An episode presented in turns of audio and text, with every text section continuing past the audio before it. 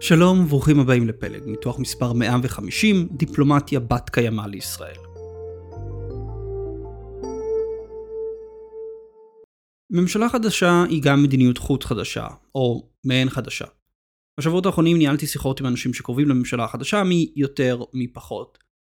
מהשיחות עולה שישראל מתכוונת להתמקד בשלוש מטרות בתחום יחסי החוץ. חיזוק הקשרים עם מדינות הסכמי אברהם, חיפוש הזדמנויות לקשרים חדשים עם מדינות עוטף איראן, והסכם נורמליזציה עם ערב הסעודית. אם המטרות האלו טובות או לא, אינה השאלה שלנו היום. אנחנו נתמקד היום באיך ישראל מתכוונת להשיג את המטרות האלו, איך היא מתכוונת לפעול דיפלומטית. וכאן אני חושב שישראל נוקטת בגישה דיפלומטית לא נכונה. באחת השיחות, בן השיח נתן לי דוגמה להזדמנות בעוטף איראן. שישראל תעזור להוריד לחץ אמריקני בנושא זכויות אדם ממדינה כלשהי בעוטף. כלומר, יש לנו מדינה לא דמוקרטית כלשהי שפועלת ביד קשה נגד האופוזיציה שלה, וישראל תגן עליה מהממשל האמריקני. אולי תמנע ממנה סנקציות, אולי תעזור לו לשפר את היחסים עם וושינגטון. זה רעיון מטריד. הוא מטריד משתי סיבות. ראשית, האם ישראל רוצה להיות לוביסט של משטרים שמדכאים זכויות אדם בשטחם? האם אנחנו רוצים להיות מליצי יושר של דיקטטורות? ושנית, ובזה נעסוק היום, דיפלומטיה כזו היא דיפלומטיה לא בת קיימא. לבוא ולהגן על משטר עם רקורד בעייתי של זכויות אדם הוא לא רעיון חכם לטווח הארוך. גם משום שהוא יפגע בתדמית של ישראל, וגם משום שאותו משטר עלול להחריף עוד ועוד את הדיכוי שלו. מה, שיכריח את ישראל להשקיע עוד ועוד מאמצים בשביל להגן עליו? למה שישראל תקשור את עצמה למשטר כזה? למה שהיא בכלל תפעל כך? בניתוח היום נבין מהי דיפלומטיה בת קיימא, נבין כיצד ישראל יכולה לנהל דיפלומטיה לא בת קיימא שתפגע בה, וננסה להציע דרכים בהם ישראל כן יכולה לפעול בצורה בת קיימא, מבטיחה את היציבות והשגשוג שלה לטווח ארוך. אנחנו נתמקד במדינות עוטף איראן, במדינות הגובלות ברפובליקה האסלאמית, ולדיפלומטיה בת קיימא נתמקד במיוחד במדינות המפרץ. אבל העקרונות שנדבר כאן יכולים להיות מיושמים לכל פעילות דיפלומטית של ישראל, או של מדינה אחרת. הכל בניתוח היום. בואו נתחיל.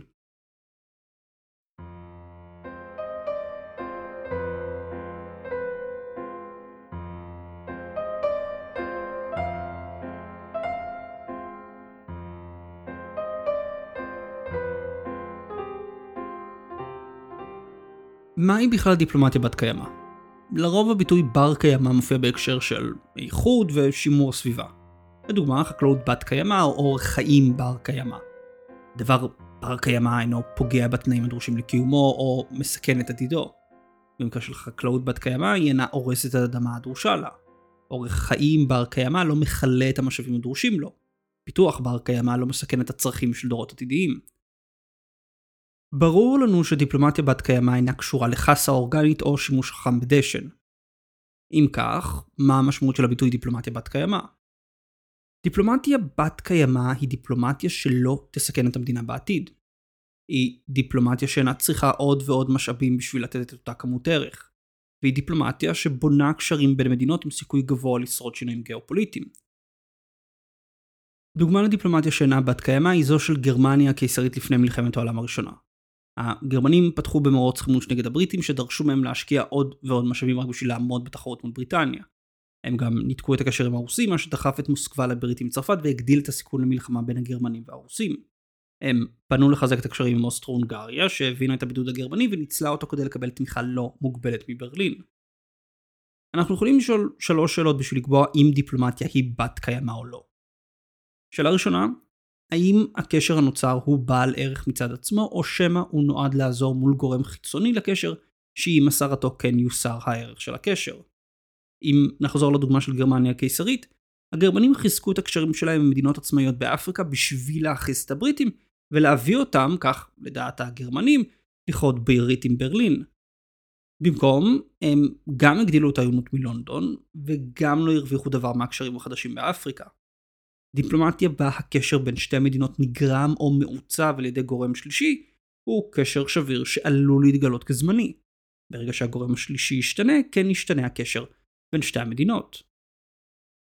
שאלה שנייה, האם הפעולות שלי נעשות בהתאם לנורמות בינלאומיות? האם הייתי מוכן שהם יהפכו לנורמות בינלאומיות? פעולות בניגוד לנורמות או לחוק הבינלאומי מסכנות מדינה בסנקציות, חרם דיפלומטי ועיבוד השפעה. הן גם מסכנות את הסדר שלעיתים משרת אותה. הפלישה האמריקנית לעיראק הייתה בניגוד לנורמה הבינלאומית של פעולה צבאית בחסות האו"ם. האמריקנים לא קיבלו את אישור מועצת הביטחון, אך החליטו לפלוש בכל מקרה. ההחלטה הזו פגעה בסדר הליברלי והייתה תחילת הסוף של הרגע החד קוטבי האמריקני. לבסוף, שאלה שלישית, האם הפעילות הדיפלומטית שלי מכלה או עלולה לכלות את המשאב עליו עוד מתבססת אותה פעילות? האם הדיפלומטיה שלי כורתת את הענף עליו היא יושבת? דוגמה קלאסית היא התמיכה במדינות לוויין או כוחות שליחים. בזמן שאלו משרתים מטרות אסטרטגיות, הם עלולים להפוך עם הזמן מנכס לנטל. מצד אחד המעצמה רוצה לוודא את התלות שלהם בה. מצד שני התלות הזו היא לרוב לא רק דיפלומטית וצבאית, אלא גם כלכלית. דוגמה מצוינת היא מדינות הלוויין של הגוש הסובייטי. ברית המועצות קיימה אותן כלכלית בשביל לשמור על חיץ בינה ובין המערב. אולם הגוש הסובייטי היה בו זמנית נכס ביטחוני ונטל כלכלי. ברית המועצות נאלצה לסבסד את רוב היבוא של הגוש, לממן פרויקטים בו ולהגן עליו. לבסוף הנטל הפך כל כך גדול שהוא אחת הסיבות שהביאו לקריסת הכלכלה הסובייטית. דיפלומטיה בת קיימא אמורה לתמוך בעצמה על ידי יצירת כמות ערך שווה לפחות לכמות הערך המושקעת. לחילופין היא אמורה למנוע מצב בו דרושה השקעה הולכת וגדלה רק בשביל לקיים את אותה פעילות דיפלומטית. אחרת, כשיגמרו המשאבים, תבוא או קריסה או נסיגה. בזמן שמדינה אינה יכולה לדבוק תמיד בדיפלומטיה בת קיימא, היא בהחלט יכולה לשאוף אליה, לכל הפחות להכיר שהיא קיימת. אם לא, היא עלולה לגלות שעם הזמן היא קולטת עצמה בפינה, מחלישה את כוחה, ולא מצליחה להבטיח את השגשוג ארוך הטווח שלה.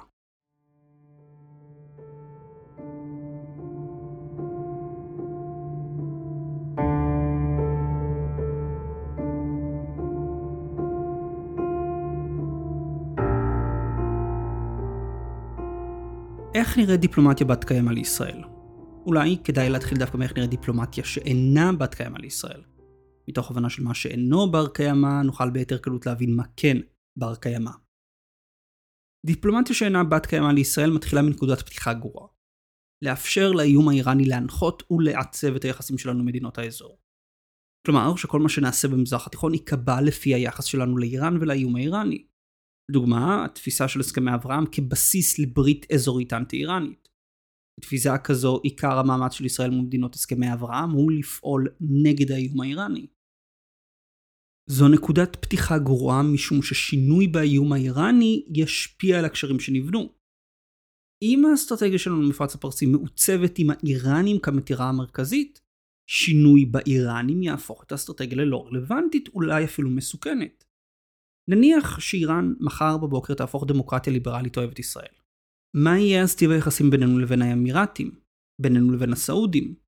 האם נהיה מוכנים הברית תמכור נשק מתקדם לסעודיה ללא האיום האיראני? האם אנחנו נהיה מוכנים למכור להם נשק מתקדם ללא האיום האיראני? בנקודת הפתיחה של האיום האיראני יוצאת גם הבעיה השנייה של הדיפלומטיה שאינה בת קיימא, דגש על קשרים ופעילות ביטחונית. האיום האיראני נתפס בישראל בעיקר כאיום צבאי, ואם המטרה היא לטפל באיום צבאי דרך קשרים, הרי שבהכרח הקשרים האלו יהיו צבאיים וביטחוניים באופיים. הרי מטרתם להילחם באיראנים. בנוסף, וללא קשר לאיך תופסים את האיום מאיראן, לישראל גם יש נטייה טבעית להדגיש את ההיבט הביטחוני בחשיבה האסטרטגית שלה. מערכת הביטחון הישראלית היא מפותחת מאוד ודומיננטית מאוד יחסית למערכות אחרות במדינה. בוגרי מערכת הביטחון מגיעים לכנסת, לממשלה ולגופי ממשלה אסטרטגיים כמו המטה לביטחון לאומי. כשאני אומר בוגרים, אני מתכוון לסא"לים ומעלה בצה"ל או בכירים בשב"כ ובמוסד. אלו מכירים בעיקר את המערכת הביטחונית, יודעים לפעול בה ועימה. החשיבה שלהם גם עוצבה על ידי המערכת וקל להם יותר להפעיל אותה. לדוגמה, ראש המטה לביטחון לאומי האחרון, דוקטור אייל חולטה, שירת כראש אגף במוסד. יושב ראש הוועדה הזמנית ליחסי חוץ וביטחון בכנסת הוא חבר הכנסת יואב גלנט, אלוף לשעבר. יושב הראש הקודם היה רן בן ברק, משנה לראש המוסד. יושב ראש הכנסת הוא חבר הכנסת אמיר אוחנה ששירת בשב"כ. לשם השוואה, כדי להבין כמה זה מוזר, יושב ראש ועדת החוץ של הסנאט האמריקני, בוב מננדז, הוא עורך דין ללא רקע צבאי. גם יושב ראש ועדת בית הנבחרים לכוחות המזוינים, אדם סמית, הוא עורך דין ללא רקע צבאי. היועץ לביטחון לאומי האמריקני גם הוא חסר רקע צבאי. מכאן שכאשר בכירים בישראל באים לבחור בין הכלים השונים העומדים לרשות המדינה, מלכתחילה קל להם יותר להפעיל את הכלים הביטחוניים. הם יודעים למי להתקשר. הם רגילים לחשוב מנקודת המבט של מערכת הביטחון, ולכן גם קל להם לא רק להפעיל את המערכת הזאת, אלא גם קל להם לחשוב על קשרים עם מדינות אחרות ולחשוב על איך מדינות אחרות חושבות דרך הזווית הביטחונית. איך כל זה מתבטא בפועל? אם אני מסתכל על עוטף איראן דרך האיום האיראני, ואם אני חושב בעיקר בקשרים ביטחוניים, אז אני רוצה לקדם שיתוף פעולה בתחום ההגנה האווירית, אני רוצה למכור אמצעי לחימה למדינות העוטף, אני רוצה גם להגן עליהן מפני איומים פנימיים שעלולים לאיים על משטרים שאני מחשיב כידידותיים.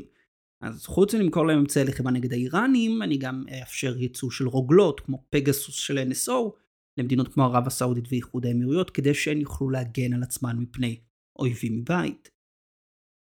דגש על קשרים ביטחוניים הוא לא בר קיימא משום שהוא גם תלוי באיום שיש על המדינות ויותר מזה איך הן תופסות ומתמודדות עם האיום. עבור קטאר איראן אינה איום מרכזי ולכן שיתוף פעולה ביטחוני עם ישראל הוא לא כל כך מושך. איחוד האמירויות מודאגת מאיראן ומשתפת עם הפעולה, מה ששם חסם עליון על מידת השיתוף פעולה הביטחוני בין האמירויות ובין ישראל. שינוי דרמטי באיום או שינוי דרמטי בתפיסה של האיום ישפיע על היחסים. שוב, אם איראן מחר תפסיק להיות איום למדינות העוטף, יהיה פחות עניין בקשרים הביטחוניים עמנו. דיפלומטיה שאינה בת קיימא גם כוללת פעילות בניגוד לנורמות הבינלאומיות. במקרה של ישראל אלו לדוגמה התקיפות בסוריה או התקיפה של אוניות סוחר אזרחיות איראניות, כך לפי פרסומים זרים. בשני המקרים יש סימני שאלה גדולים בנוגע לחוקיות הפעולות האלו לפי המשפט הבינלאומי. סוריה היא מדינה ריבונית, גם אם מדינה סוררת. תקיפה בשטחה היא הפרה של הריבונות ללא הצדקה ברורה. תקיפת אוניות סוחר איראניות גם היא מעלה סימני שאלה על מה הבסיס לתקיפה, מה ההצדקה של ישראל לפעול כפי שהיא פועלת. עכשיו, ברור לי שחלקנו מגלגלים עיניים לשמע המילים החוק הבינלאומי. ואסור לנו לזלזל בו. פעולות שנעשות בניגוד לחוק או ללא הצדקה חושפות אותנו לגינוי בינלאומי ובמקרה החמור לסנקציות. מדינה שפועלת מחוץ או בניגוד לחוק הבינלאומי סומכת על כך שלא יפעלו נגדה במועצת הביטחון של האו"ם. וזו נקודת תורפה שיריב יכול לנצל. הרוסים לדוגמה משתמשים בחוסר החוקיות של התקיפות הישראליות כדי לנגח אותנו, מגנים מעת לעת את התקיפות. אם רוסיה הייתה רוצה, סוגיית התקיפות בסוריה הייתה יכולה לעלות לדיון במועצת הביטחון של האו"ם. הרוסים לא עושים זאת מסיבותיהם שלהם, אבל האיום קיים. ולבסוף, במכלול הזה של דיפלומטיה שאינה בת קיימא, יש לנו את הרעיון של ישראל כלוביסט של מדינות אחרות בארצות הברית. לישראל יש עמדה ייחודית בפוליטיקה האמריקנית עם התמיכה הדו-מפלגתית בנו. התמיכה הזו היא הון שישראל יכולה להשתמש בו בשביל לקדם את האינטרסים שלה או של מדינות אחרות. תאורטית, אם ישראל תרצה, היא יכולה לעזור למדינות אחרות לשפר את היחסים עם וושינגטון דרך ההון שלה. לדוגמה, לשפר את היחסים של הקונגרס לערב הסעודית או לטורקיה. וגם כאן הפעילות הזו אינה בת קיימא במיוחד בכל הקשור לזכויות אדם ודיכוי פוליטי. הגנה על משטרים עם רקורד בעייתי בתחום הזכויות האדם יכולה לפגוע בהון שלנו. היא יכולה לפגוע בהון שלנו כי ישראל עלולה להיתפס כלוביסט של אותם משטרים, מה שיפגע בתדמית שלנו. חברי קונגרס וממשל יראו בנו לא בעלת ברית שמייעצת לוושינגטון בסוגיה המקומית, אלא לוביסט שעובד בשביל מדינות אחרות מנצל את הקשר המיוחד עם ארצות הברית. שנית, אותם משטרים עלולים להחריף את הפרת זכויות האדם בשטחם, ולהכריח את ישראל להשקיע עוד ועוד הון כדי להגן עליהם. דיכוי אלים עם הזמן מחריף כשהאוכלוסייה מאבדת את הפחד מהשלטון. איראן היא דוגמה טובה למצב כזה. מה שמתחיל כהגנה על הפרות מינוריות כמו צנזורה ורדיפת פעילים פוליטיים, עלולה להפוך להגנה על ירי חי נגד מפגינים. גם אם ישראל בנקודה הזאת תחליט להפסיק להגן על המשטר, היא תסבול פעמיים. פעם אחת מפני שתתגלה ההגנה שלה על המשטר עד לאירועי האלימות, ופעם שנייה כשהאופוזיציה במדינה תגלה על העזרה שסיפקנו, אופוזיציה שעלולה להפוך לממשלה החדשה. ישראל תהרוס את היחסים עם הממשל החדש עוד לפני שהוא עלה.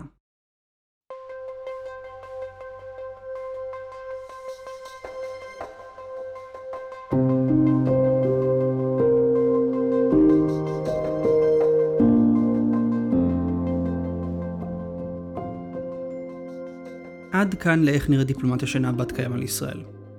איך נראית כזו שכן? לאורך כמעט שלוש שנים כאן בפלג ניסיתי להציע דיפלומטיה בת קיימא לישראל, דיפלומטיה שנקודת המבט שלה היא ארוכת טווח והוליסטית. אחת הנקודות החשובות שחזרתי עליהן היא שהאיום האיראני לא יכול להיות מטופל ישירות או רק באמצעים צבאיים. טהרן משגשגת בסביבה של אנרכיה, מחזקת כוחות שליחים מקומיים ומנצלת את הפירור של המדינות כדי להגדיל את השפעתה. בשביל להתמודד עם איראן, דרושה דיפלומטיה שהמטרה הראשית שלה היא יציבות ושגשוג אזורי. עם איראן כמטרה שנייה וכפועל יוצא של השאיפה ליציבות ושגשוג. אם המטרה שלנו היא שגשוג כלכלי ויציבות חברתית, הדגש עובר מקשרים ביטחוניים לקשרים ופעילות אזרחית. ישראל תרצה לחזק את מדינות האזור בתחומים של כלכלה, חברה, חינוך, ביטחון, מזון ועוד. לקשרים האלו יש ערך בפני עצמם. כל מדינה, או כמעט כל מדינה, רוצה להשיג שגשוג גדול יותר. כל מדינה רוצה להבטיח שירותים חברתיים נאותים לאזרחים שלה והזדמנויות תעסוקה לצעירים שלה. לקשרים האלו לא משנה אם איראן היא משטר מהפכני אלים, דמוקרטיה מערבית או קומונה אנרכיסטית. הם מנותקים ממנה, הם לא נובעים מהאיום האיראני, והם יהיו שם גם אחרי שהוא ייעלם. אלו קשרים לדוגמה? שיתוף פעולה במחקר מדעי וטכנולוגי. מדינות המפרץ הפרסי כולן עוסקות במידה כזו או אחרת במחקר ופיתוח של כלכלת מימן. עבור מדינות כמו קטר או אומן, מימן הוא עתיד עתודות הגז הטבעי שלהן. מימן יכול להיות מופק מגז טבעי ולהיות גז נמוך פליטות לשימוש בכלכלה הירוקה. גם לאומן וגם לקטאר פרויקטים בתחום ההפקה והשינוע של מימן. ישראל יכולה לשתף פעולה עם שתי המדינות במחקר ופיתוח טכנולוגיות בתחום, אם בהפקה ירוקה של מימן מגז טבעי, שימוש במימן כדלק ברכבים ומטוסים, אחסון ועוד. גם חקר החלל הוא נושא שמושך עניין רב במפרץ, במיוחד בערב הסעודית ובאיחוד האמירויות. שתי המדינות רואות בחקר החלל תחום אסטרטגי שיכול לקדם אותן מדעית, טכנולוגית וכלכלית. גם כאן ישראל יכולה לשתף פעולה במחקר ושיגור לווינים זעירים, חקר הירח ומאדים והקמת אתר שיגור אזורי. שיתוף פעולה דומה אך אחר הוא בתחומים של הכשרת כוח אדם ומצוינות אקדמית. לכל אחת ממדינות המפרץ הפרסי יש תוכנית אסטרטגית להקטין את התלות בנפט וגז טבעי ולפתח את מגזרי השירותים והייצור. לדוגמה, חזון 2030 של ערב הסעודית. כולן מעוניינות לפתח תעשיות עתירות טכנולוגיה ולעודד יזמות וחדשנות. הבעיה של כולן שההון האנושי שלהן יחסית נמוך גם ביחס לישראל. ההון האנושי הנמוך מעכב את הפיתוח של הכלכלות. מכאן שלמדינות המפרץ הפרסי אינטרס לשפר את ההון האנושי אצלן וישראל יכולה לעזור להן. ניתן לדוגמה להקים מרכזי מצוינות בהוראה ומחקר בתחומים כמו הנדסה כימית, פיזיקה והנדסת תוכנה. מדינות המפרץ ייהנו משיפור ברמת האקדמיה ובהון האנושי. האקדמיה בישראל תקבל תקציבים נוספים לשיפור ההוראה והמחקר ותיצור קשרים אמיתיים במדינות האזור. קשרים בין אישיים גם יוכלו לשפר את התדמית של ישראל ולהגדיל את התמיכה הציבורית בהסכמי הנורמליזציה. כל הצעדים האלו ועוד אינם תלויים באיום האיראני, והם יוצרים ערך עבור ישראל והמדינות המשתתפות מצד עצמם. פטנטים שיושגו במחקר המשותף, מענקי מחקר, הכשרת מהנדסים, כולם יתרמו למדינות, יתרמו לקשרים ביניהן ויתרמו ליציבות והשגשוג האזורי. ישראל יכולה להתחיל את הצעדים האלו כבר היום עם מדינות הסכמי אברהם, בחריין, איחוד האמירויות, מרוקו, ולהשתמש בהם כתמריץ לצרף עוד מדינות. במקום שערב הסעודית תנרמל איתנו יחסים בגלל האיום האיראני, היא תנרמל איתנו יחסים כדי לממש את חזון 2030 למדינה ותצמצם את התלות שלה בנפט. מה בנוגע לפעילות בהתאם לנורמות בינלאומיות? לכאורה אי אפשר להילחם במדינה תומכת טרור כמו איראן על בסיס החוק הבינלאומי, ועל כן אין ברירה לישראל אלא להפר אותו.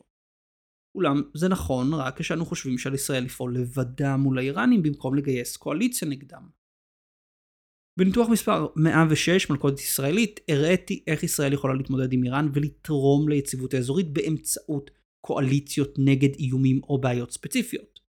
בניתוח מספר 57, הבעיה הימית של ישראל, הצעתי להקים קואליציה אזורית נגד הברחה של אמצעי לחימה וסמים במים הבינלאומיים שמסביב למזרח הים התיכון. ישראל היא לא היחידה שמודאגת מהברחות דרך ספינות איראניות. הסעודים ישמחו לעצור אמצעי לחימה איראנים לתימן. האיחוד האירופי ירצה לעצור הברחת סמים אליו דרך הים. ישראל יכולה כיוזמה ראשונה להתמקד בהקמת קואליציה לשיטור המים הבינלאומיים עם תמיכה בינלאומית. תמיכה כזו יכולה להיות על ידי שיתוף פעולה עם אחת או יותר מהמעצמות הגדולות, ארה"ב, סין, צרפת, בריטניה, או על ידי שיתוף פעולה עם ארגונים בינלאומיים, לדוגמה נאט"ו או סוכנות משמר הגבול של האיחוד האירופי, פרונטקס. ישראל תשיג שתי מטרות. היא תפעל נגד איראן בזירה הימית פוגעת בתנועה של אמצעי לחימה. והיא תחזק את הקשרים עם מדינות האזור ושחקנים אחרים. את כל זה היא תעשה ללא הפרה של נורמות בינלאומיות, אלא להפך. היא תסמן את עצמה כשחקן אחראי בזירה הבינלאומית. לבסוף, ישראל צריכה להימנע מלהתערב בפוליטיקה הפנימית של מדינות אחרות, וזה כולל סיוע בדיכוי פוליטי של האופוזיציה. דרוש פיקוח ביטחוני הדוק יותר שימנע מכירה של תוכנות רוגלה למשטרים לא דמוקרטיים, העלולים לעשות בהם שימוש נגד אנשי אופוזיציה ועיתונאים. גם אסור שישראל תגן על מדינה כלשהי מלחץ אמריקני עקב פגיעה בזכויות אדם. נכון, אין לנו את המטרות לדרוש ממדינות האזור להיות יותר דמוקרטיות. אבל זה לא אומר שאנחנו צריכים לשתף פעולה עם אותן מדינות נגד האזרחים שלהן.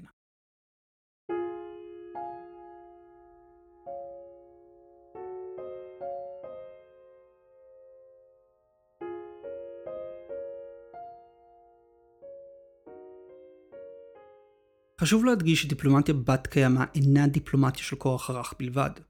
אני לא חושב שישראל צריכה להסתמך רק על הכוח הטכנולוגי שלה, או רק על שיתופי פעולה אזרחיים. יש מקום חשוב לשיתופי פעולה ביטחוניים כמו עם הקואליציה לשיטור ימי. גם מכירה של אמצעי לחימה ושיתוף פעולה במחקר צבאי יכולים לשרת אותנו, ליצור ערך עבור המדינות המשתתפות ולקדם יציבות אזורית. המטרה של דיפלומטיה בת קיימא היא להבטיח שבפעולות שאנחנו עושים לא נגרום לעצמנו חרטה בעתיד. כמובן אי אפשר לצמצם לאפס את החרטה שלנו. לעתים גם נאלץ לעשות צעדים שאנחנו יודעים שיש בהם סיכון לטווח הארוך. ועדיין חשוב שנכיר את הרעיון של דיפלומטיה בת קיימא ונשאף אליה. עצם השאיפה דורשת מאיתנו לנקוט בנקודת מבט רחבה יותר והוליסטית, שמסתכלת מעבר לאתגרים והאיומים המיידיים על ישראל. אם הייתי צריך לתת המלצה אחת לממשלה החדשה לאור התפיסה של דיפלומטית בת קיימא, זו הייתה ההמלצה שלי. לא לנורמליזציה בכל מחיר עם ערב הסעודית. לשלטון הסעודי יש חששות איך יגיבו האזרחים ואיך יגיב העולם הערבי להסכם נורמליזציה עם ישראל. אנחנו יכולים לנסות ולמשוך את הסעודים באמצעות מתנות למיניהן. להציע שננסה לשפר את היחסים עם הבית הלבן, או שנעזור לסעודים לקבל גישה לאמצעי לחימה מתקדמים, או שנמכור מערכות הגנה אווירית מתקדמות כמו כיפת ברזל או החץ. ישראל לא צריכה לצאת מגדרה להציע מתנות לסעודים בתמורה לנורמליזציה איתנו. נורמליזציה כזו בסיכון להיות קרה ולקפוא ברגע שריאד תקבל את המתנה. אם אנחנו רוצים נורמליזציה שתביא לגידול במספר הקשרים והעמקתם, אם אלו קשרים כלכליים, מדעיים או ביטחוניים, הסעודים חייבים לראות בנורמליזציה עצמה אינטרס שלהם ולפעול בשבילה. איך נעשה זאת? על ידי העמקת הקשרים עם מדינות הסכמי אברהם. לא רק בתחום הביטחוני, אלא בעיקר בתחום האזרחי. ריאד צריכה לראות את איחוד האמירויות בונה תעשיות עתירות ידע עם ישראל כדי שהיא תבין שחזון 2030 לא יתממש בלעדינו. היא צריכה לראות את הרווחים מנורמליזציה איתנו. ואנחנו לא צריכים לצאת מגדרנו. אם ריאד רוצה את הרווח בעבודה עם ישראל, היא תהיה חייבת להכיר בישראל. כן לנורמליזציה, לא בכל מחיר.